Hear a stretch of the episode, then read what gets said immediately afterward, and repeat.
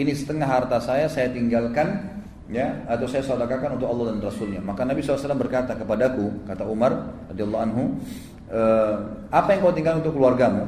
Saya berkata e, setengah, ya sama seperti ini ya Rasulullah. Lalu nggak lama datang Abu Bakar. Abu Bakar membawa seluruh hartanya. Lalu Nabi SAW bertanya apa yang kau tinggalkan untuk keluargamu? Abu Bakar mengatakan Allah dan Rasulnya. Maka di sini Umar mengatakan saya tahu bahwasanya saya tidak akan pernah bisa mengalahkan Abu Bakar dari sisi apa pun. Artinya di sini beliau menyebutkan tentang fadilah Abu Bakar. Tapi yang diambil pelajaran adalah sedekahnya beliau dengan ya setengah harta yang dia miliki. Dalam kisah yang lain, Al-A'mash, A'mash terkenal ya, gurunya Imam Bukhari, ya banyak ulama-ulama hadis ini. Rahimahullah seorang ulama tabi'in pernah berkata, pada suatu hari Umar bin Khattab yang menyuruh seseorang membeli Umar bin Khattab mendapatkan atau menyerahkan 22 ribu dirham. Ya. Seseorang memberikan kepada Umar bin Khattab 20 ribu dirham, 22 ribu dirham. Ini mungkin ukurannya sekarang sudah puluhan juta rupiah. Diberikan kepada Umar bin Khattab. Lalu Umar bin Khattab tidak berdiri dari tempat duduknya kecuali sudah membagikannya. Tidak ada satupun dibawa pulang ke rumahnya. Sadaqah diserahkan kepada beliau untuk beliau pakai. Beliau serahkan sebelum berdiri dari tempatnya beliau sudah bagi habis semua itu. Jadi ini termasuk ya beliau apa namanya mensodakakan seluruh harta yang dia miliki. Lalu ditanya, kenapa anda sodakahkan? Ya, satu waktu beliau paling gemar kalau ada uang beli gula. Gula yang paling digemar oleh Umar bin Khattab untuk disodakahkan. Selalu beli gula dibagikan kepada orang. Ya, ini lebih banyak dilakukan oleh Umar bin Khattab. Lalu ditanya, kenapa anda bersodakah dengan gula? Beliau mengatakan, karena aku sangat menyukainya. Dan Allah berfirman dalam surah Imran ya ayat 92 A'udzu billahi minasyaitonir rajim lan tanalul birra hatta tunfiqu mimma tuhibbun. Kalian tidak akan mendapatkan kesempurnaan pahala sampai kalian menginfakkan apa yang kalian paling cintai. Juga Umar bin Khattab pernah menyuruh Abu Musa al-Ash'ari membeli seorang hamba sahaya wanita pada saat itu dari tawanan Jalula, salah satu ya peperangan dulu terjadi zaman Umar bin Khattab dan banyak sekali harta rampasan perangnya. Maka Umar bin Khattab menyuruh membeli salah satu budak wanita, lalu Umar bin Khattab memerdekakannya. Ya, sambil berkata membaca firman Allah, "Lan tanalul birra hatta tunfiqu mimma tuhibbun." Kalian tidak akan mendapatkan sempurnaan pahala sampai kalian menginfakkan apa yang paling kalian cintai. Kemudian juga sikap Abu Bakar eh, Umar bin Khattab pada saat meninggalnya Nabi Shallallahu Alaihi Wasallam. Tentu ini kisah panjang saya ringkaskan. Waktu Umar bin Khattab radhiyallahu anhu melihat atau mendengar berita Nabi SAW sakit keras dan akan meninggal dunia. Dan pada itu sudah meninggal dunia, ya. Nabi SAW sudah meninggal ceritanya. Lalu banyak orang simpang siur yang mengatakan Nabi sudah meninggal, yang mengatakan belum. Umar bin Khattab waktu itu sulit menerima keadaan. Maka beliau berdiri dan berteriak sambil berkata, sesungguhnya beberapa orang munafik mengira bahwa Rasulullah SAW telah wafat Padahal Rasulullah SAW tidak wafat, tapi beliau pergi kepada Robnya sebagaimana, sebagaimana Musa bin Imran pergi menghadap kepada Robnya lalu dia meninggalkan kaumnya selama 40 malam. Kemudian dia kembali kepada mereka setelah sebelumnya dikatakan telah wafat. Demi Allah, Rasulullah SAW pasti kembali. Sungguh, beliau akan memotong tangan dan kaki orang-orang yang mengatakan bahwa beliau telah wafat. Ini disebutkan dalam Ibnu, Ibnu Hisham, juga Ibnu Ishaq dan diriwayatkan oleh Ibnu Sa'ad dalam Tabaqat dan disahihkan oleh Ibnu Hibban. Jadi Umar bin Khattab itu sangat panik, dia mengatakan itu. Maka orang jadi ragu, takut dengan Umar bin. Umar sambil menuskan pedangnya. Pada saat itu, Abu Bakar pun belum datang dan orang-orang menyampaikan kepada Abu Bakar, Hai Abu Bakar, datanglah melihat Nabi SAW, kami tidak tahu beritanya dalam rumah di kamarnya Aisyah. Tidak ada yang tahu simpang siur meninggal atau tidak. Dan Umar bin Khattab sedang marah mengangkat suaranya ya di depan rumah Nabi SAW dan mengancam siapa pun yang mengatakan Nabi SAW telah meninggal akan dipenggal lehernya. Maka Abu Bakar pun datang lalu masuk ke rumah Nabi SAW tepatnya di rumahnya Aisyah anak beliau. Aisyah lagi ada di situ lalu bertanya bagaimana Rasulullah? Kata Aisyah sudah meninggal. Lalu dilihatlah oleh Abu Bakar, dilihat Nabi SAW sudah meninggal. Lalu Abu Bakar mencium kening Nabi SAW, kemudian menutup dengan kain dan memastikan Nabi SAW sudah meninggal. Lalu Abu Bakar berkata, sungguh wahai Rasulullah, engkau telah merasakan sekarang lebih tentram daripada sebelumnya. Lalu keluarlah Abu Bakar. Abu Bakar mengucapkan kalimat yang jelas ya. Yang beliau mengatakan, amma ba'd, ya, beliau teriak dengan suara keras waktu itu memanggil, mengatakan, Umar lagi mundar mandir pegang pedang nih. Kata Abu Bakar, wahai Umar, tenanglah, ala rizkika, tenanglah. Umar tak mau dengar, dia nggak tahu kalau Abu Bakar yang ngomong nih. Enggak, pokoknya dia tetap sampai Abu Bakar waktu itu ada dua riwayat menepuk pundak Umar, waktu Umar melihat langsung Abu Bakar langsung dia duduk mendengarkan. Riwayat yang lain dikatakan Umar gak mau, mondar mandir, dia tetap marah gitu kan, dalam kondisi dia tidak bisa menahan dirinya. Maka pada saat itu eh, orang-orang pun pada saat lihat Abu Bakar mengurumuni Abu Bakar meninggalkan Umar waktu itu, karena orang sudah takut sama Umar pakai pedang. Gitu kan sementara Abu Bakar datang dan mau bicara. Abu Bakar terkenal dengan kelembutannya. Maka Abu Bakar berkata, "Amma ba'd, siapa yang menyembah Muhammad, ketahuilah bahwasanya Muhammad telah mati dan siapa yang menyembah Allah, maka Allah itu hidup dan tidak akan pernah mati.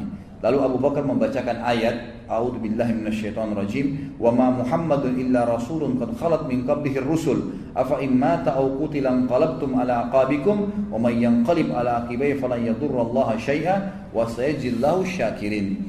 Muhammad itu hanyalah seorang utusan Allah dan telah berlalu sebelumnya banyak utusan-utusan Allah. Apakah kalau dia mati atau terbunuh di medan perang Kalian meninggalkan agama-agama Allah, meninggalkan agama Allah yang dibawa oleh Muhammad itu sendiri sallallahu alaihi wasallam.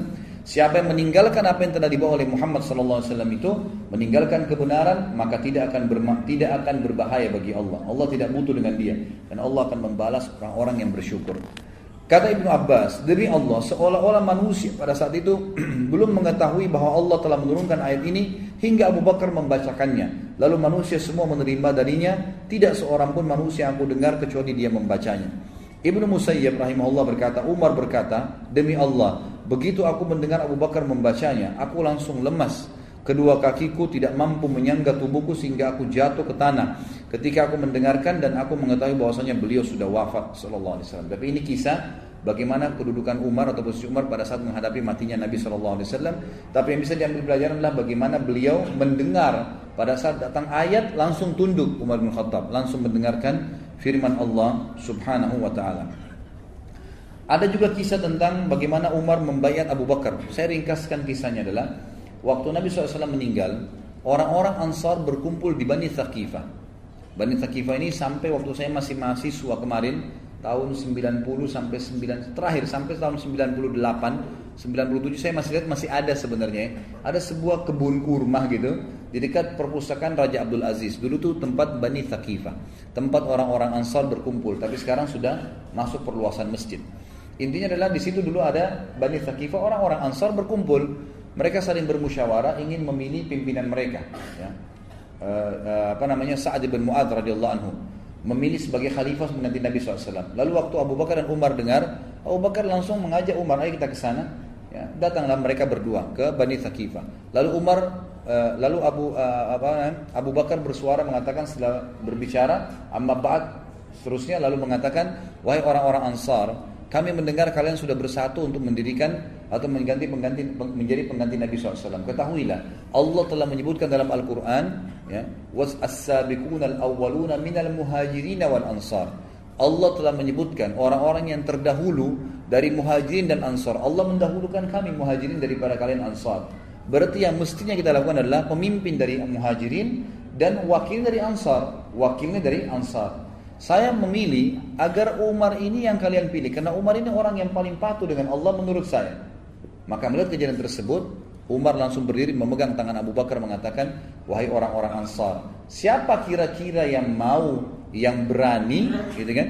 Yang berani mendahului Abu Bakar untuk jadi khalifah. Sementara waktu Nabi SAW mau meninggal, Nabi SAW menyuruh dia menjadi imam. Dan dia adalah temannya Nabi di gua pada saat hijrah. ya Di e, Garthur gitu kan. Waktu itu. Jadi siapa yang bisa mengganti siapa yang bisa eh, kira-kira di antara kalian menganggap lebih afdal daripada Abu Bakar? Semua sahabat diam, lalu Abu Umar mengatakan saya membaiat Abu Bakar. Ulurkan tangan Abu Bakar lalu diulurkan, lalu kemudian orang-orang Ansar semua membaiat Abu Bakar dan pada saat itu ulama menanggapi mengatakan selama Abu Bakar jadi khalifah, maka Umar bin Khattab menjadi atau panen pahalanya karena dia menjadi penyebabnya. Umar bin Khattab di zaman khilafahnya Abu Bakar diangkat menjadi hakim dan ulama sepakat mengatakan dialah hakim pertama dalam Islam.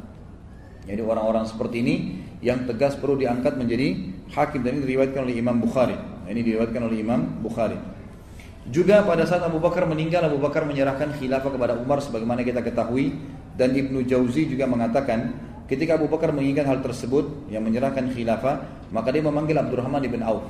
Danya, wahai Abdurrahman, kira-kira bagaimana pendapatmu tentang Umar? Dan ini sebuah pelajaran besar juga yang kita ambil di sini ya. Seorang yang kenal baik pada orang lain pun tidak ada salahnya dia menanya, bermusyawarah dengan orang yang lain lagi yang mengenalnya. Di sini Abu Bakar sudah sangat kenal kepada Umar bin Khattab dan dia mau menunjuk sebagai khalifah. Tapi tetap dipanggil sahabat Nabi yang lain Abdurrahman bin Auf yang juga dijamin masuk surga. Ditanya, bagaimana pendapat kau Abdurrahman tentang Umar? Berkatalah Abdurrahman, demi Allah, dia lebih baik dari apa yang engkau fikirkan tentang seorang laki-laki sekalipun dia sangat keras. Lalu Umar Abu Bakar memanggil lagi Uthman, tanya Uthman, bagaimana pendapatmu tentang ya Abu Umar? Maka berkatalah Utsman anda lebih tahu. Ya. Lalu Abu Bakar bilang dipaksa saya tanya kamu demi Allah. Jawab bagaimana pendapatmu tentang ya Umar? Lalu Utsman berkata ya Allah ilmuku tentangnya ialah bahwa apa yang dia sembunyikan lebih baik daripada apa yang nampak darinya bahwa di antara kita tidak ada orang yang semisal dengannya. Lalu Abu Bakar berkata, kalau begitu tulislah, semoga Allah merahmatimu. Ini yang ditulis oleh Abu Kuhafa Abu Bakar di akhir hidupnya ya e, kepada kaum muslimin agar mereka memilih orang yang terbaik di antara mereka ya e, apa adalah Umar bin Khattab. Itu ringkas ceritanya. Lalu akhirnya pada saat dia mau mengatakan saya menunjuk meninggal eh, pingsanlah Abu Bakar Lalu Uthman bin Affan menulis nama Umar bin Khattab di tulis wasiat itu. Gak lama kemudian Abu Bakar sadar lalu Abu Bakar mengatakan bacakan hai Uthman. Kata Uthman, aku meninggalkan wasiat agar kalian memilih Umar bin Khattab.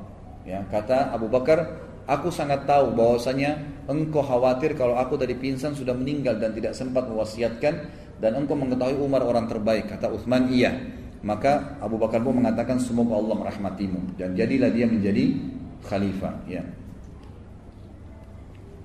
Ali bin Abi Thalib berkata, ketika ajal datang kepada Abu Bakar, dia melihat bahwasanya Umar lah orang yang paling mampu atasnya atau khilafah.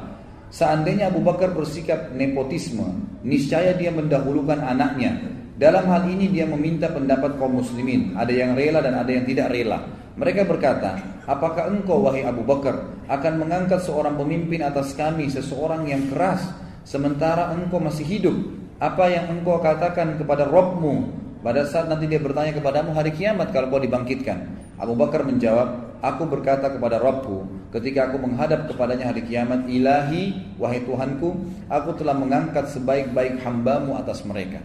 Maksudnya ini tanggung jawabnya besar di pada Allah SWT. Lalu Ali melanjutkan, Abu Bakar menunjuk Umar sebagai penggantinya, maka Umar memimpin kami seperti dua sahabatnya, Rasulullah SAW dan Abu Bakar. Kami tidak mengingkari apa pun atasnya. Setiap hari kami mendapatkan tambahan dalam agama dan dunia. Allah membuka belahan bumi dengannya dan melebarkan kota-kota. Dia adalah orang yang tidak takut karena Allah terhadap celaan orang-orang yang mencelahnya. Orang jauh dan orang dekat adalah sama dalam keadilan dan kebenaran. Allah Ta'ala menetapkan kebenaran atas lisan dan hatinya sampai-sampai kami mengira bahwasanya ketenangan berbicara melalui lidahnya dan bahwa di antara kedua matanya terdapat malaikat yang membimbingnya dan meluruskannya. Dan ini disebutkan oleh uh, disebutkan dalam uh, disebutkan oleh Asy-Sya'bi dari Ali radhiyallahu dalam riwayat dan rawi-rawinya thiqat. Semuanya rawi-rawinya thiqat ya.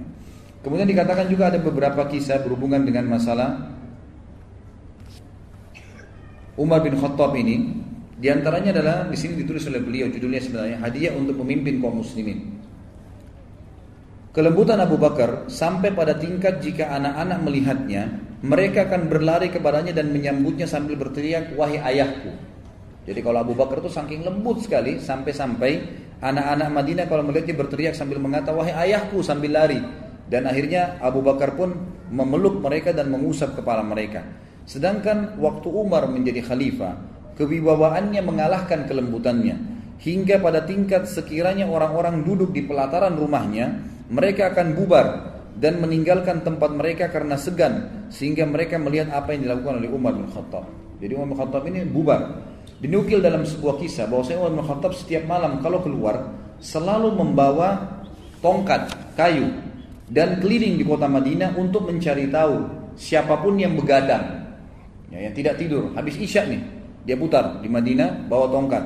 Kalau orang-orang tersebut tidak bisa memberikan alasan yang tepat kenapa mereka begadang maka dipukulin oleh Umar. Sambil Umar mengatakan apakah kalian begadang di sini? Ya membuang-buang waktu kalian di awal malam sehingga kalian kehilangan kesempatan beribadah dengan Allah di akhir malam. Demi Allah bubarlah. Dibubarin sambil dipukulin sama Umar. Kalau mereka punya alasan mungkin masalah takziah, ada orang sakit lagi dijenguk, maka Umar bin Khattab membiarkannya. Jadi Umar Khattab radhiyallahu sangat tegas dalam masalah-masalah seperti ini. Kita bisa lihat sekarang ada beberapa yang berhubungan dengan rasa takutnya Umar bin Khattab kepada Allah Subhanahu wa taala.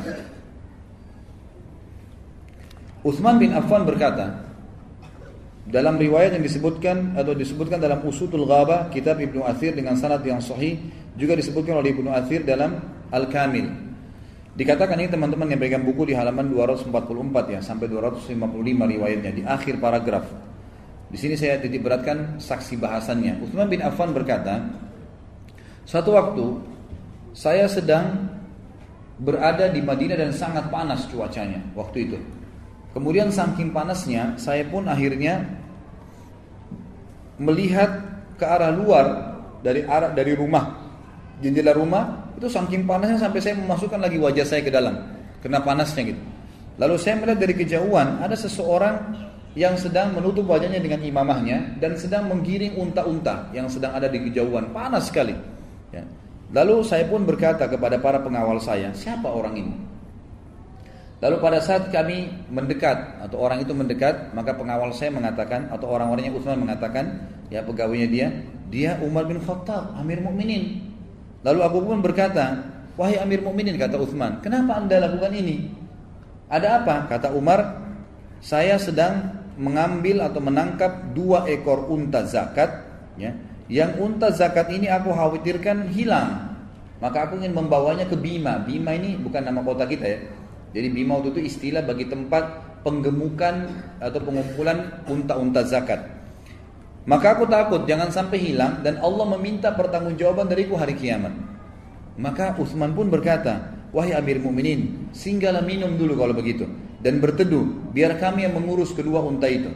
Kata Umar, kembalilah ke tempat teduhanmu, wahai Uthman. Uthman berkata waktu itu kembali ke dalam rumahnya kepada orang-orang di sekitarnya, barang siapa ingin melihat kepada seorang laki-laki yang kuat lagi amanah, hendaklah dia melihat kedua orang ini.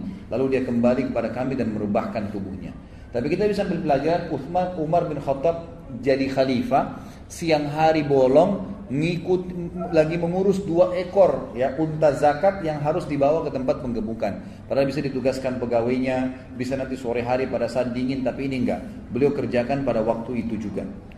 Pernah dikatakan juga dalam satu waktu, ini karena takutnya dengan Allah Subhanahu wa taala. Abdullah bin Umar anaknya berkata dalam ini dan ini riwayat disebutkan dalam Akhbar al-Ummah ya.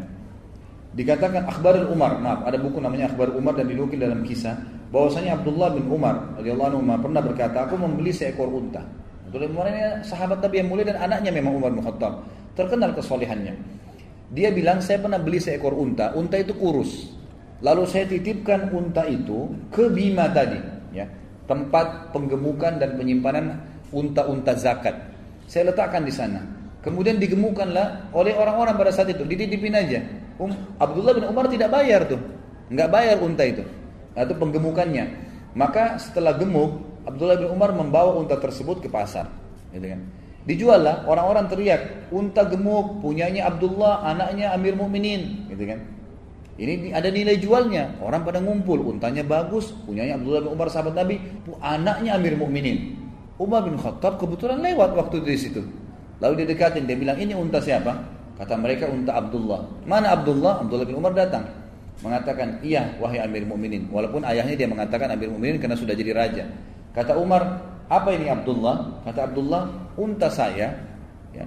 Kata Umar, "Dari mana kau dapat?" Dia bilang, "Saya beli." "Bagaimana bisa gemuk?" Kata Umar, dia bilang saya meletakkannya di Bima, gitu kan, di tempat penggemukan atau pemeliharaan unta-unta zakat. Lalu kemudian setelah gemuk, saya bawa ke pasar dengan harapan saya bisa mendapatkan apa yang didapatkan oleh pedagang, oleh kaum muslimin, dapat untung.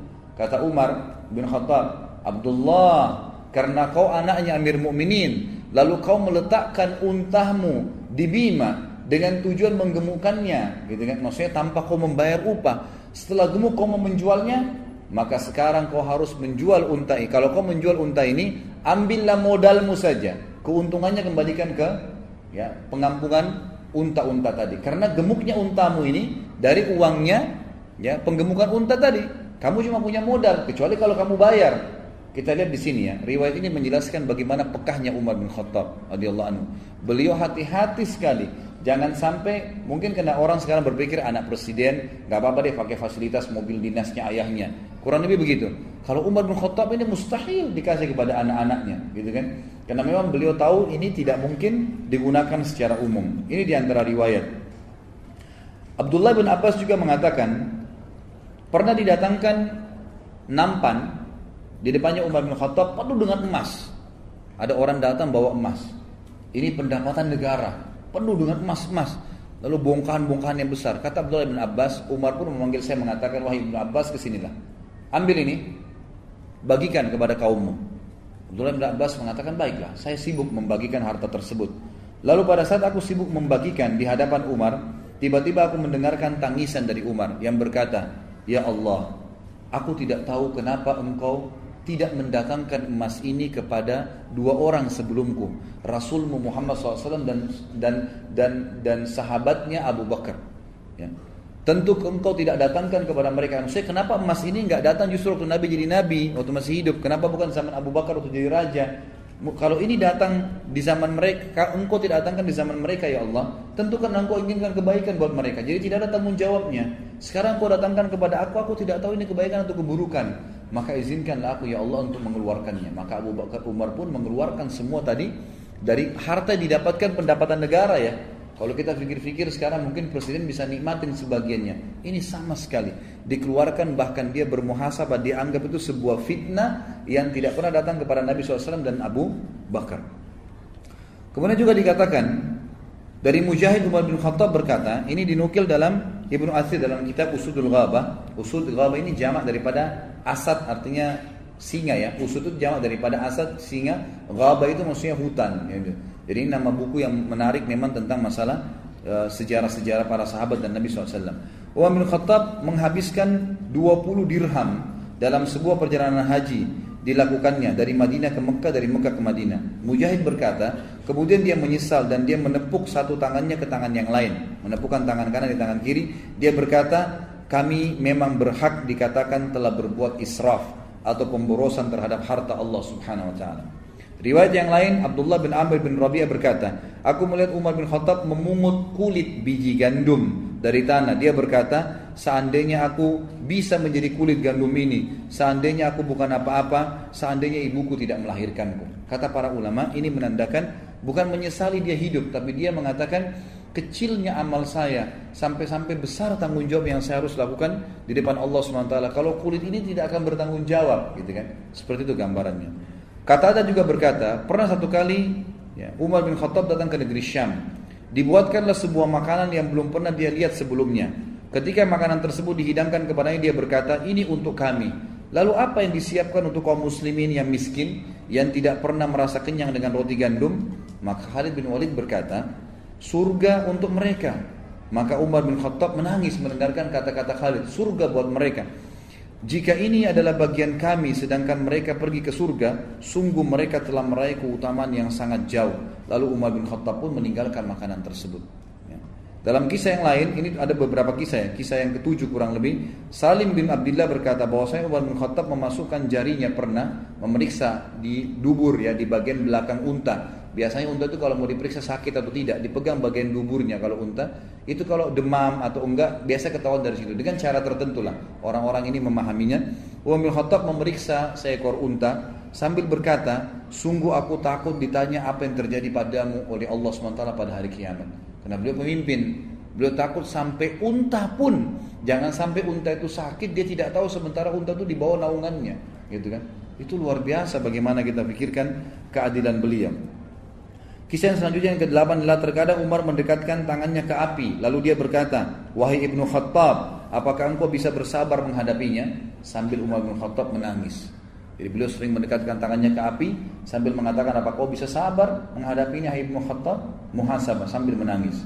Kisah yang selanjutnya Al-Bara' bin Masrur berkata pada suatu hari Umar bin Khattab keluar, dia datang ke mimbar pada saat itu dia sedang sakit.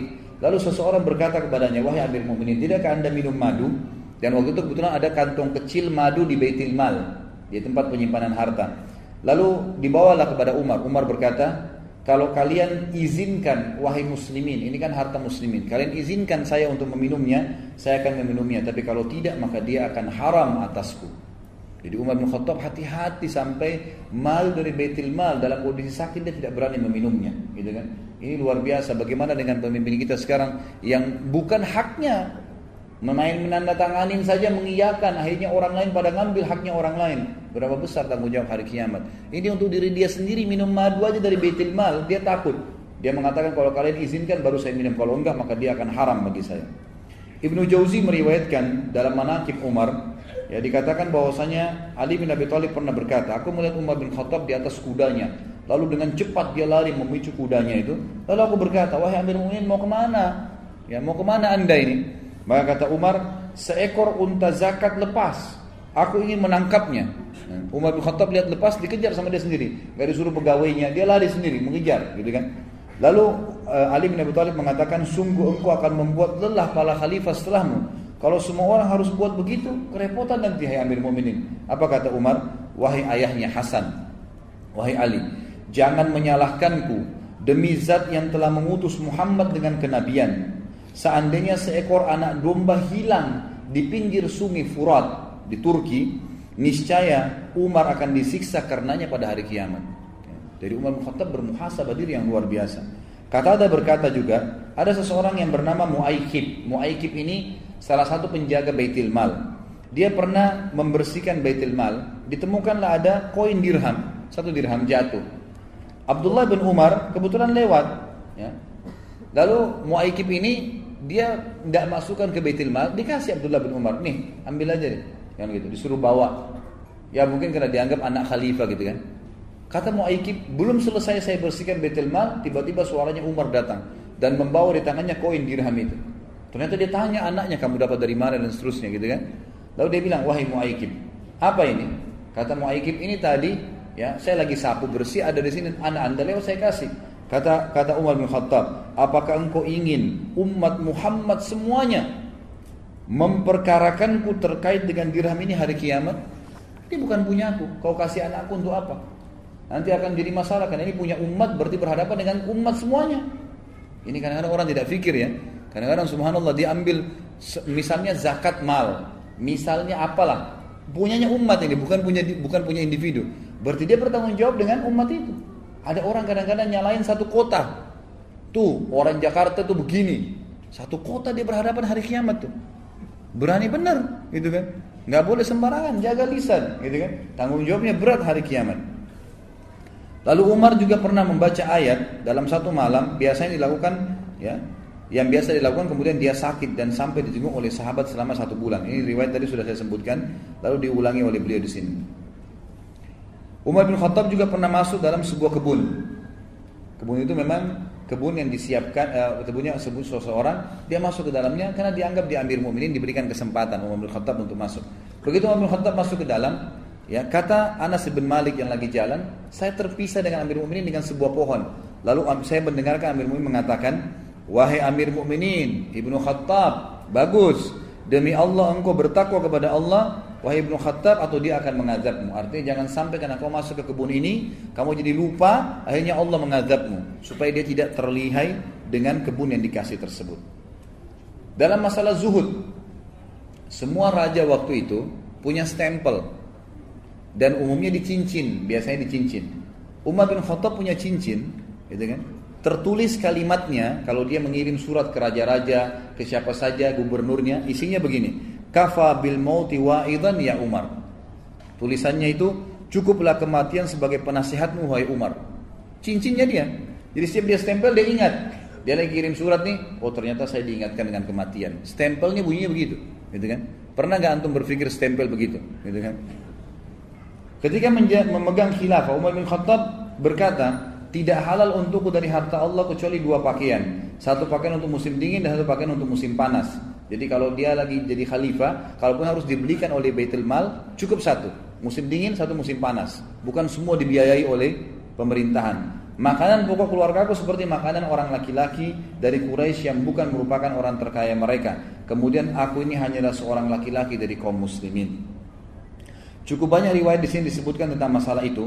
Dan pernah Jabir bin Abdullah memegang radhiyallahu seorang sahabat pegang daging bawa baru beli gitu. Kayak kita sekarang mungkin dikresek di bawah gitu kan. Kemudian Umar bertanya apa itu Jabir? Jabir mengatakan daging saya beli saya pengen makan daging. Umar menasehatin dia bukan melarang ya tapi menasehatin mengatakan wahai Jabir apakah setiap kali kau lihat sesuatu kau pengen satu kau selalu membelinya maka lalu Umar membacakan ayat yang membuat Jabir jadi belajar gitu dari situ. Umar mengatakan baca firman Allah Al-Ahqaq ayat 20. Azhabtum tayyibatikum fi hayatikumud dunya. Ini potongan ayat ya. Kurang lebih artinya, apakah kalian sudah menghabiskan rezeki yang baik dalam kehidupan dunia kalian? Artinya, cobalah redam, jangan semuanya dibeli, gitu kan. Ini sebuah pelajaran juga yang bisa diambil dari Umar radhiyallahu anhu. Seseorang pernah diundang oleh Umar bin Khattab makan. Orang ini kebetulan bernama Humaid bin Hilal. Salah satu tokoh masyarakat lah, kepala suku. Ini di halaman 249 ya. Di paragraf terakhir sebelah kanan. Dia lagi dibelikan, disiapkan makanan. Lalu pada saat dihidangkan orang ini nggak mau makan. Umar tanya, kenapa kau nggak mau makan? Dia bilang makanan anda keras dan tidak enak. Biarlah saya pulang ke rumah saya, saya makan makanan yang sudah disiapkan di rumah saya, lembut, enak, gitu kan. Lalu kata Umar, apakah menurut kamu kami tidak bisa menyembeli seekor roba dan mengulitinya? Apakah kau mengira kami tidak bisa mengambil tepung lalu disaring dengan kain demi kain sehingga menjadi halus? Apakah kau mengira bahwasanya kami tidak bisa membuat roti yang lembut dan kami memerintahkan satu sak, satu satu satu genggam kismis dimasukkan ke dalam kantong air. Biasanya orang dulu lakukan itu, kemudian dikocok, nanti jadi manis airnya, jadi air kismis gitu kan. Apa kamu mengira kami tidak bisa melakukan itu sehingga nanti kami bisa merasakan nikmatnya seperti memakan daging rusa? Maka dia pun berkata, si orang tadi yang diundang itu Humaid berkata, sungguh aku aku aku menangkap anda ini orang yang tahu makanan enak. Lalu kenapa harus ada makanan yang seperti ini? Kata Umar, benar demi zat yang jiwaku berada di tangannya. Jika aku tidak takut amal baikku berkurang, niscaya aku akan mengikuti kemewahan hidup kalian. Tapi aku ini tidak berani seperti itu, karena takut nanti malah jadi lalai dan meninggalkan semua amal-amal kebaikan, amal-amal kebaikan. Pada tahun Ramadan, tahun Ramadan tahun peceklik ya. Waktu itu lagi tidak ada makanan, orang-orang jadi susah. Hewan-hewan jadi pandang kehabisan makanan. Umar bin Khattab radhiyallahu anhu hanya makan roti dan minyak sampai-sampai kulitnya menjadi hitam, gitu kan. Kemudian beliau berkata, seburuk-buruk pemimpin adalah aku.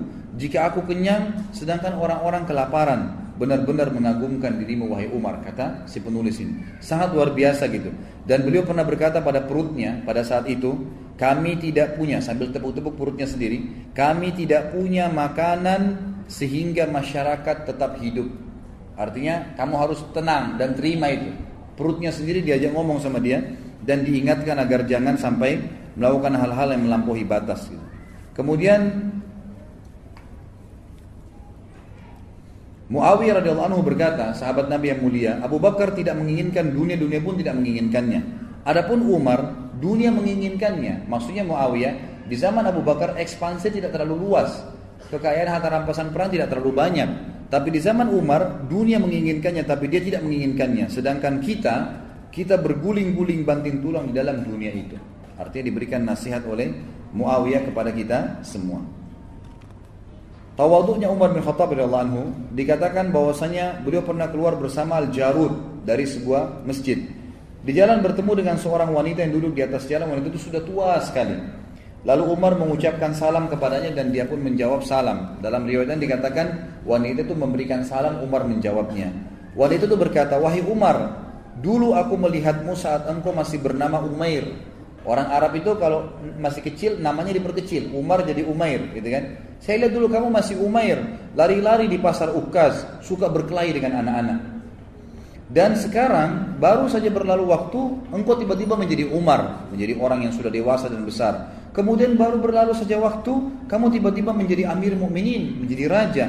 Bertakwalah kepada Allah wahai Umar terhadap rakyatmu. Ketahuilah bahwasanya siapa yang takut mati, dia tidak dia dia akan takut kehilangan maka Umar pun menangis. Maksudnya kalau kamu takut ya berkorban untuk agama ini, maka kamu berarti tidak takut mati. Tapi kalau kamu takut mati, ada hisab hari kiamat, kamu akan berhati-hati. Kurang lebih begitu maknanya. Al-Jarud berkata, ibu itu, Al-Jarud ini pendampingnya Umar berkata, ibu, engkau telah menyakiti dan lancang terhadap Amir Mukminin. Assalamualaikum warahmatullahi wabarakatuh. Alhamdulillah, wassalatu wassalamu ala rasulillah. Segala puji bagi Allah subhanahu wa ta'ala juga salawat dan taslim Muhammad sallallahu alaihi wasallam. Masih melanjutkan Umar dan beberapa poin yang berhubungan dengan beliau sebelum membahas masalah meninggal dan mati syahidnya radhiyallahu anhu. Beliau juga punya kisah berhubungan dengan masalah mendidik diri beliau dan juga pemimpin-pemimpin yang bisa yang biasa beliau atau yang sudah beliau tunjuk. Satu waktu pernah Umar bin Khattab memiliki anak yang bajunya sobek kemudian ditambal.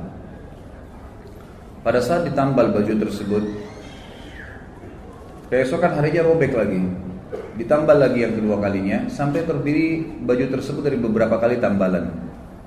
Teman-teman anak Umar ini mengolok-olok anak Umar. Anak Amir Muminin bajunya sobek, anak Amir Muminin bajunya ditambal.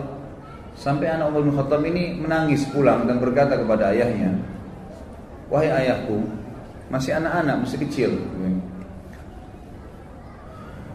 Teman-temanku mengolok-olok aku karena bajuku ditambal. Bisa gak ayah belikan aku baju? Kata ayahnya, kalau sekarang, kata Umar radhiyallahu kata Umar kalau sekarang saya nggak punya uang oleh anakku untuk beli baju. Bayangkan untuk beli baju berapa dirham aja nggak pegang uang pada saat itu. Anhu. Beliau mengatakan, tapi aku akan coba mengirim surat kepada penjaga Baitul Mal Ditulislah surat oleh Umar bin Khattab kepada penjaga Baitul Mal waktu itu dan dikatakan saya meminta secara pribadi bukan kebutuhan negara agar Anda meminjamkan saya uang untuk membelikan baju buat anak saya yang akan saya bayar bulan depan digaji nanti ada gajinya Umar Khattab saya akan ambil gaji di gaji saya dipotong lalu waktu sampai surat tersebut di tangan penjaga Baitul Mal kita perhatikan di sini bagaimana penjaga Baitul Mal juga ini orang yang beriman. Dia membalas surat Umar bin Khattab mengatakan, "Wahai Amir Mukminin, kalau saya pinjamkan kepada Anda uang ini, apakah Anda punya jaminan masih bisa hidup sampai bulan depan sehingga Anda bisa membayarnya?" Perhatikan ini dialog antara atau surat antara seorang pemimpin yang menunjuk pegawainya dan pegawai menulis seperti itu. Waktu tiba surat penjaga Baitul Mal kepada Umar bin Khattab, Umar bin Khattab pun menangis menangis sambil berkata kepada atau dalam kalimatnya yang masyhur segala puji bagi Allah yang telah memberikan kepada saya orang-orang yang seperti ini. Lalu beliau berkata kepada anaknya wahai anakku bersabarlah. Kalau ayahmu ini masih hidup sampai bulan depan dan menerima gaji maka pasti saya akan memberikan kamu baju. Ini sebuah pelajaran yang besar dari Umar radhiyallahu dan kita lihat dari awal kisah tadi beberapa jam kita jelaskan hampir semua yang berhubungan dengan beliau itu pelajaran pelajaran demi pelajaran.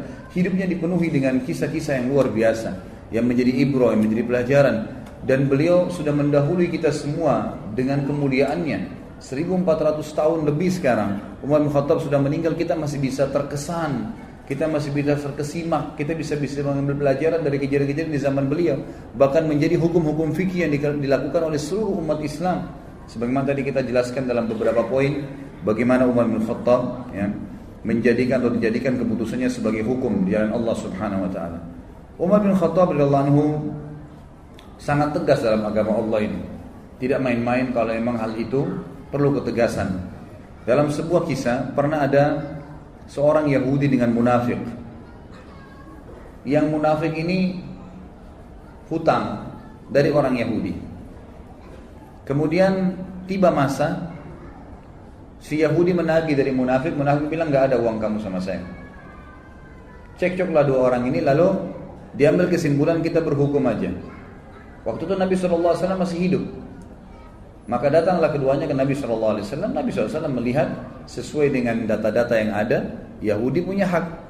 Kata si kata Nabi SAW, berikanlah haknya si Yahudi ini. Karena memang kamu berutang sama dia, ada buktinya, jelas. Ternyata keluar munafik ini tetap bilang saya nggak mau bayar. Belum puas cari orang lain, dicarilah Abu Bakar. Ketemu Abu Bakar. Siapa setelah Nabi SAW? Abu Bakar orang yang dianggap dimuliakan datang ke sana. memperlihatkan kasus kepada Abu Bakar dipaparkan Abu Bakar berhukum seperti hukum Nabi SAW bahwasanya haknya Yahudi.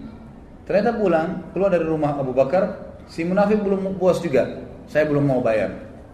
Baik Yahudi bilang kalau begitu kita cari orang lain. Kamu mau? Iya. Siapa? Umar bin Khattab. Datang kepada Umar radhiyallahu di rumahnya. Begitu datang ke rumahnya Umar bin Khattab mengatakan siapa kalian? Satu mengatakan mengaku muslim tapi dia orang munafik di sini di tidak disebutkan namanya kemudian yang satu juga Yahudi Lalu Umar bertanya, ada apa dengan kalian? Dia bilang, ini, Yahudi bilang, ini si Fulan, utang dengan saya tapi nggak mau bayar, dia tidak mau akui. Lalu Umar pintar, Umar bertanya kepada mereka berdua, apakah kalian sudah pernah bertanya tentang masalah hukum ini sebelum datang ke sini? Kata mereka berdua, sudah. Kata Umar kepada siapa? Mereka bilang, kami telah datang kepada Muhammad. Kan? Kata Umar, apa hukumnya? Kata Muhammad memberikan hak kepada si Yahudi ini, kata si munafik. Karena alasan-alasan yang sudah dipaparkan. Lalu kalian ke mana lagi? Mereka berkata, kami sudah ke Abu Bakar. Apa hukumnya Abu Bakar? Sama saja dengan hukumnya Muhammad Sallallahu Alaihi Wasallam.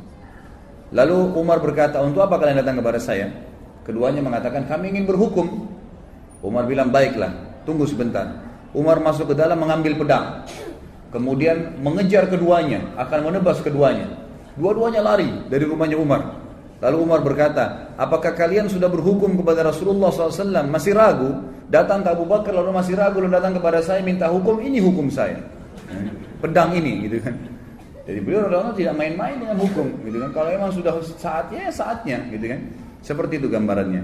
Dan tentu apa yang akan kita sampaikan dipaparkan di buku ini belum semua kisah Umar ternukilkan. Jadi bukan mustahil ikhwah ikhwah sekalian kalau Anda pernah mendapatkan kisah lain tentang Umar asal riwayatnya sahih itu nggak ada masalah. Karena cukup banyak riwayat yang dinukil yang memang belum dinukil di sini di antaranya ada kisah Umar bin Khattab dengan rahib seorang pendeta Yahudi yang masuk Islam akhirnya karena sifat Nabi Shallallahu Alaihi Wasallam dan ini sudah saya sebutkan di uh, bahasan uh, pada saat menjelaskan tentang kelebihan Nabi SAW. Ringkas ceritanya adalah ada seorang Yahudi yang pernah Nabi SAW utang dengan dengannya 20 sak kurma, satu sak kurma 2 kilo setengah. Kemudian Nabi SAW sepakat akan dibayar di waktu tertentu. Ternyata tiba belum tiba waktunya, orang Yahudi ini sudah datang, pendeta Yahudi sudah datang dan langsung berdiri di sebelah Nabi SAW mencekik leher Nabi dengan sisa kain imamahnya alaihissalatu wassalam lalu orang-orang waktu itu lagi hadir di masjid dan semuanya pada melihat kejadian tersebut akhirnya Umar bin Khattab yang ada di depan saf mengatakan ya Rasulullah izinkan saya menebas lehernya Yahudi ini gitu. lalu Nabi SAW memberikan isyarat untuk duduk Umar lalu Nabi SAW dalam kondisi tercekik menanyakan kepada Yahudi ada apa hai Yahudi kata Yahudi ini bayar hutangmu hai Muhammad Kata Nabi SAW kan belum tiba saat waktunya. Dia bilang tetap saya mau dibayar sekarang. Maka Nabi SAW dalam kondisi duduk tercikik dan Yahudi ini berdiri menarik imamah beliau Sallallahu Alaihi Wasallam berkata kepada Umar wahai Umar pergilah ke Baitul Mal dan ambillah ya, dan ambillah 20 sak kurma bayarkan utang saya dan tambah 20 sak lagi.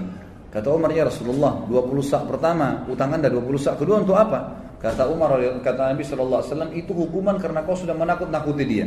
Kau tadi sudah mengancam akan menebas lehernya. Artinya Nabi SAW seakan-akan memberikan isyarat. Kalau saya masih ada jangan ambil keputusan. gitu kan. Maka Umar pun pergi ke Baitul Mal meninggalkan Yahudi ini. Yahudi jalan di belakangnya sambil marah dengan Yahudi ini. Tiba di Baitul Mal Umar bin Khattab radhiyallahu menyiapkan 20 sak kurma diberikan kepada Yahudi itu. Waktu mau disiapkan 20 sak kedua Yahudi ini bilang nggak usah hai Umar. Kata Umar kenapa? Dia bilang Abu Umar, apa kau tahu siapa saya? Kata Umar saya nggak mau tahu siapa kamu. Dalam kondisi marah gitu kan. Langsung dia sebutkan namanya, saya Fulan bin Fulan.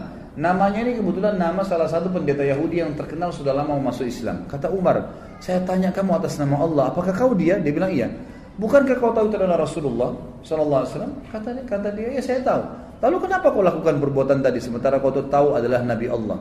Kata si Yahudi, Hai Umar, apa kau kira saya gila? Saya datang ke masjid kalian, mencekik Nabi dan Raja kalian, di hadapan kalian. Saya sudah siap mati pada saat itu karena saya ingin membuktikan satu hal dari Muhammad yang belum saya temukan padanya. Semua ciri kenabian Nabi terakhir ada pada diri Muhammad. Semua sudah saya temukan. Fisiknya, tempat tinggalnya, nama-namanya, tinggal ada satu belum. Ghalaba hilmuhu ghadabu. Emosinya dikalahkan dengan kasih sayangnya. Dan tadi itu saya sengaja nagih sebelum waktu, saya sengaja cekik lehernya. Tujuannya untuk memancing emosinya. Ternyata memang kasih sayangnya mengalahkan ya apa namanya emosinya dan sekarang saya mengucapkan Umar asyhadu an la ilaha illallah wa anna Muhammad Rasulullah ini syahadat orang tersebut di depan Umar radhiyallahu anhu ini di antara kisah yang belum dinukil tentunya Ada juga kisah yang lain, kisah tentang masuk Islam, uh, kisah tentang Umar radhiyallahu anhu zaman khilafahnya. Beliau sempat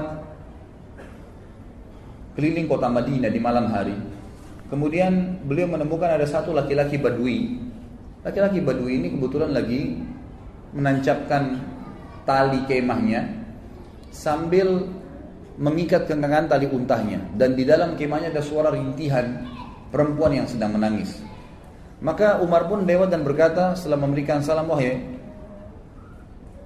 laki-laki, hai rajul bahasa Arabnya, wahai ya rajul, siapa kamu ini? Dia mengatakan saya orang musafir dari Badui padang pasir lagi lewat malam kemalaman saya lihat ada tanah kosong saya tebar kemah saya saya mau nginap di sini. Kata Umar siap suara siapa tuh rintihan dalam kemahmu? Dia bilang sudahlah saudaraku pergilah, tidak usah campurin itu. Kata Umar mungkin saya bisa bantu. Kata orang itu itu suara istri saya yang mau melahirkan ya, tapi tidak tidak ada yang bantu. Saya nggak tahu bagaimana melahirkan perempuan dan juga tidak ada wanita yang saya kenal di Madinah bisa minta bantuan, apalagi itu tengah malam.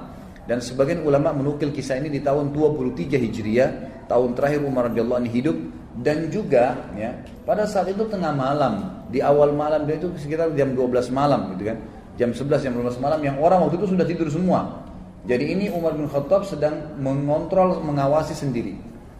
Ringkas cerita adalah Umar bin Khattab lalu berkata kepadanya, maukah kau saya datangkan seorang wanita dari Madinah yang bisa membantu istrimu melahirkan? Dia bilang mau.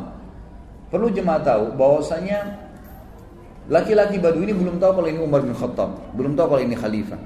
Umar pun radhiyallahu anhu lalu pulang, dia tidak membangunkan ya, penasehat-penasehatnya atau mungkin dokter, tabib ya kalau kita zaman zaman dulu dikatakan ya dengan istilah e, tabib ya, atau orang yang bisa mengobatin atau bidan mungkin perempuan yang bisa melahirkan tidak. Dia pulang ke rumahnya dia bangunkan istrinya. Yang waktu itu istrinya adalah Ummu Kalsum anaknya Ali radhiyallahu anhu. Lalu berkata Umar bin Khattab wahai cucunya Rasulullah apakah kau mau mendapatkan pahala seorang wanita muslimah yang mau melahirkan malam hari nggak ada yang tolong? Ummu Kalsum radhiyallahu anha juga punya iman yang kuat. Anaknya Ali radhiyallahu cucu Nabi SAW dia tidak mengatakan, wahai Amir Mu'minin, carilah wanita ansar yang bisa melahirkan. Tidak. Dia mengatakan dengan jelas dan tegas, tentu saja, saya ingin dapat pahalanya. Kata Umar, siapkanlah persiapan, perlengkapan untuk melahirkan dan ikut sama saya. Maka jalanlah pada malam itu, saudaraku sekalian, dua orang, Raja Muslim dan ratunya. Tidak ada pengawal, tidak ada yang dampingin, dan tidak ada media yang akan mengekspos itu. Karena yang sedang dibantu seorang badui yang cuma lewat, besok pagi mau pergi lagi. Gak ada yang tahu, tengah malam nih. Ya kita tahu sekarang banyak orang mau melakukan satu perbuatan kegiatan kena ada eksposnya, kemudian bisa menang, mengangkat namanya. Sama sekali enggak. Jalanlah keduanya tiba di kemah orang Badui tersebut. Ringkas ceritanya, kata Umar bin Khattab kepada istrinya, masuklah ke kemah dan selesaikan tugasmu.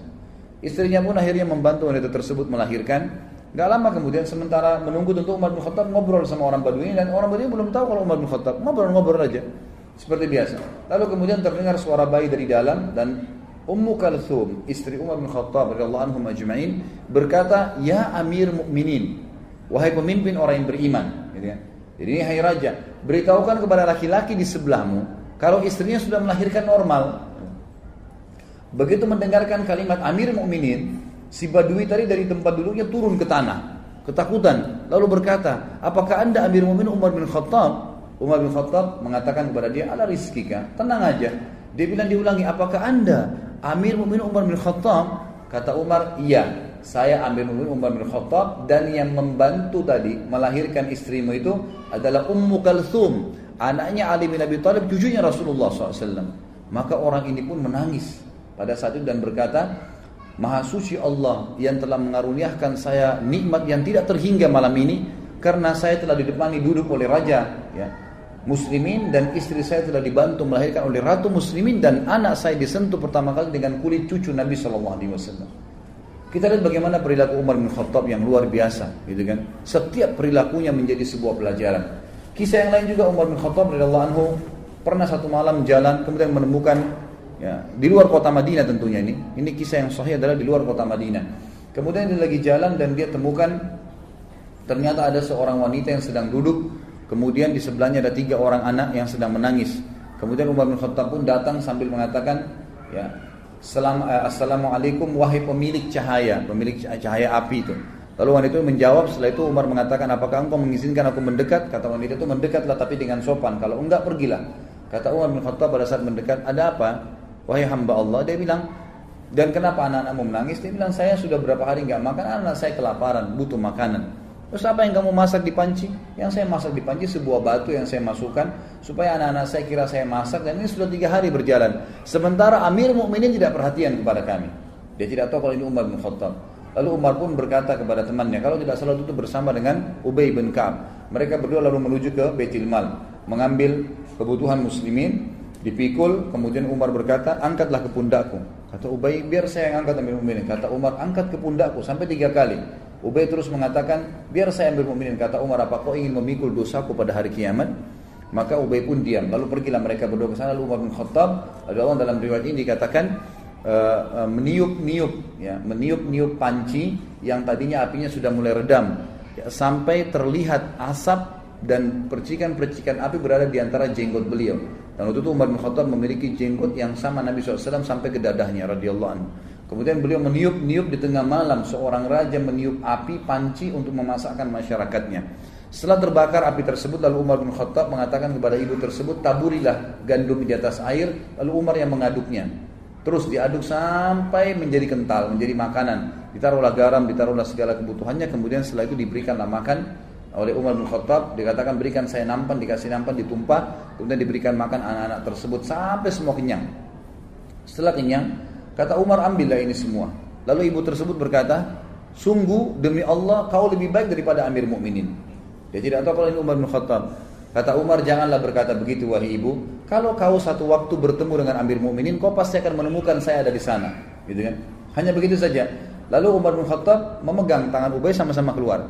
Kata Ubay, waktu Umar bin Khattab, Amir Mukminin tinggal meninggalkan tempat tersebut, lalu dia menyelip di antara semak belukar seperti binatang buas yang sedang mengintai mangsanya. Dilihat dengan dengan teliti ke arah ibu tadi sama anak-anak itu. Lalu setelah itu dia lihat anak-anak tersebut yang tadinya nangis, tidur, bangun, bermain, ceria, gitu kan. Lalu Umar bin Khattab mengangkat kepalanya, ya seakan-akan berhenti untuk memata-matai dan berkata, segala puji bagi Allah yang selamatkan saya dari eh, orang-orang uh, ini yang akan menuntut saya pada hari kiamat. Perilaku yang sangat luar biasa dari seorang yang beriman kepada Allah Subhanahu wa taala. Dan cukup banyak kisah yang berhubungan dengan hal-hal yang seperti ini. Umar bin Khattab radhiyallahu anhu juga pernah memberikan pelajaran tentang masalah takdir.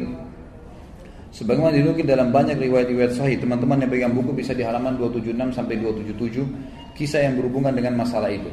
Umar bin Khattab radhiyallahu anhu pernah menuju ke negeri Syam dan di negeri Syam itu ternyata ada satu wilayah yang akan dimasukin terkenal ada penyakit taun. Ya, sebelum maaf, sebelum keluar ke negeri Syam, masih dari kota Madinah, gitu kan. Riwayat Sahih menjelaskan masih di kota Madinah. Lalu pada saat itu ada seorang panglima perang Abu Ubaidah bin Jarrah radhiyallahu anhu yang terkenal juga salah satu yang terkenal Amin Hadil Ummah, orang yang paling terpercayanya umat Islam gitu kan.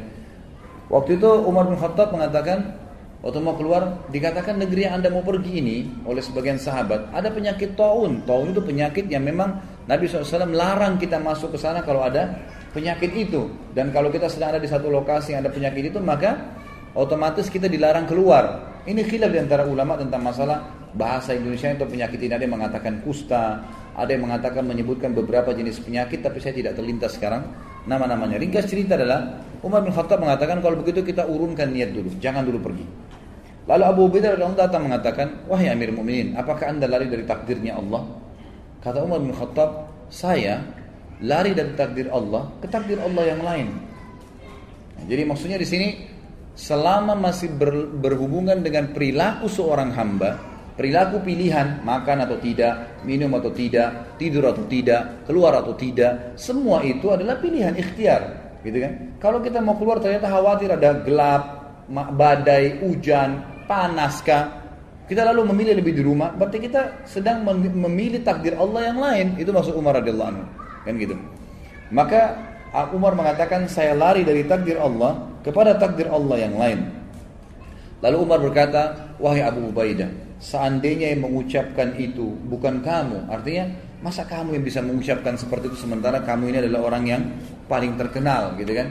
Lalu akhirnya Umar bin Khattab pun membiarkan dalam riwayat yang lain Abu Ubaidah mengatakan baiklah saya yang akan pergi ke sana. Maka dia pun berangkat, Umar bin Khattab sempat memeluk Abu Ubaidah, mengetahui ini pasti, pasti akhir hidupnya, gitu kan. Pergilah mereka pada saat itu. Ya, dalam riwayat ini, tapi riwayat ini mengatakan Abu Ubaidah nggak jadi keluar, tetap aja di Madinah dan akhirnya ditunggulah berita Umar terus menyebarkan berita siapa yang punya berita tentang taun penyakit taun dari Nabi Wasallam Abdurrahman bin Auf sahabat Nabi yang lain radhiyallahu anhu sempat waktu itu tersibukkan dengan beberapa kegiatan lalu pada saat dengar orang lagi ngumpul bersama Umar bin Khattab dia pun datang lalu mengatakan saya memiliki kabar dari Nabi Shallallahu Alaihi Wasallam. Ya, dan ini riwayat disebutkan dalam riwayat Bukhari tentang kisah ini. Dia mengatakan aku mendengarkan Nabi Shallallahu Alaihi Wasallam bersabda sami'tum bihi bi ardin fala tuqaddimu alaih wa idza waqa'a bi ardin wa antum biha fala takhruju firaran minhu jika kalian mendengarkan taun terjadi di satu daerah maka kalian jangan ke sana dan jika kalian telah berat, bila itu terjadi pada satu kaum, sedangkan kalian berada di dalamnya, maka kalian jangan keluar darinya atau menghindarinya. Maka Umar pun akhirnya bertahmid mengatakan Alhamdulillah segala puji bagi Allah yang telah membantu aku untuk mengambil keputusan yang tepat. Juga Bapak Ibu sekalian, ada kisah yang menarik tentang atau syubhat sering kali kalau Anda baca buku sejarah, Anda temukan tentang ada sering ahli-ahli sejarah Islam juga menulis buku yang mereka mengatakan Umar bin Khattab tidak menyenangi Khalid bin Walid. Tidak menyenangi Khalid bin Walid. Terbukti Umar bin Khattab melenserkannya dari jabatannya sebagai pimpinan perang. Penulis buku ingin meluruskan masalah itu. Beliau mengatakan ini pemahaman yang salah. Umar bin Khattab mencopot Khalid bin Walid dari jabatannya bukan karena Umar, Umar membencinya, Ya, nanti akan katakan bukti. Tetapi Umar bin Khattab sendiri menyebutkan dalam riwayat, ya ini disebutkan dalam Tarikh At-Tabari, ya, disebutkan oleh penulis buku menukil dari situ ya. Beliau mengatakan Umar sempat berkata, sesungguhnya aku tidak mencopot Khalid karena kemarahan atau pengkhianatan, tapi orang-orang telah ber, ter, terfitnah olehnya. Aku khawatir mereka akan disandarkan kepadanya. Maksudnya nanti aku uh, nanti orang-orang menganggap Khalid bin Walid jadi penyebab menang perang. Jadi fitnah. Orang sudah tidak bergantung lagi sama Allah. Maka aku copot gara-gara itu. Dalam riwayat lain dijelaskan bahwasanya pernah terdengar oleh Umar bin Khattab Khalid bin Walid ini berkhianat. Beritanya begitu. Di harta rampasan perang. Lalu Umar bin Khattab dari Madinah mengutus Bilal perlu ikhwah dan akhwat sekalian tahu teman-teman tahu bahwasanya Khalid bin Walid ini dulu pimpinan ya apa namanya tuan Sayyid di Mekah gitu kan dan Bilal adalah seorang budak budaknya Umayyah bin Khalaf ya. jadi dulu kondisinya tuh secara kejiwaan ya, orang walaupun sudah masuk Islam Bilal masih merasa Khalid bin Walid ini dulu tuan gitu kan terkenal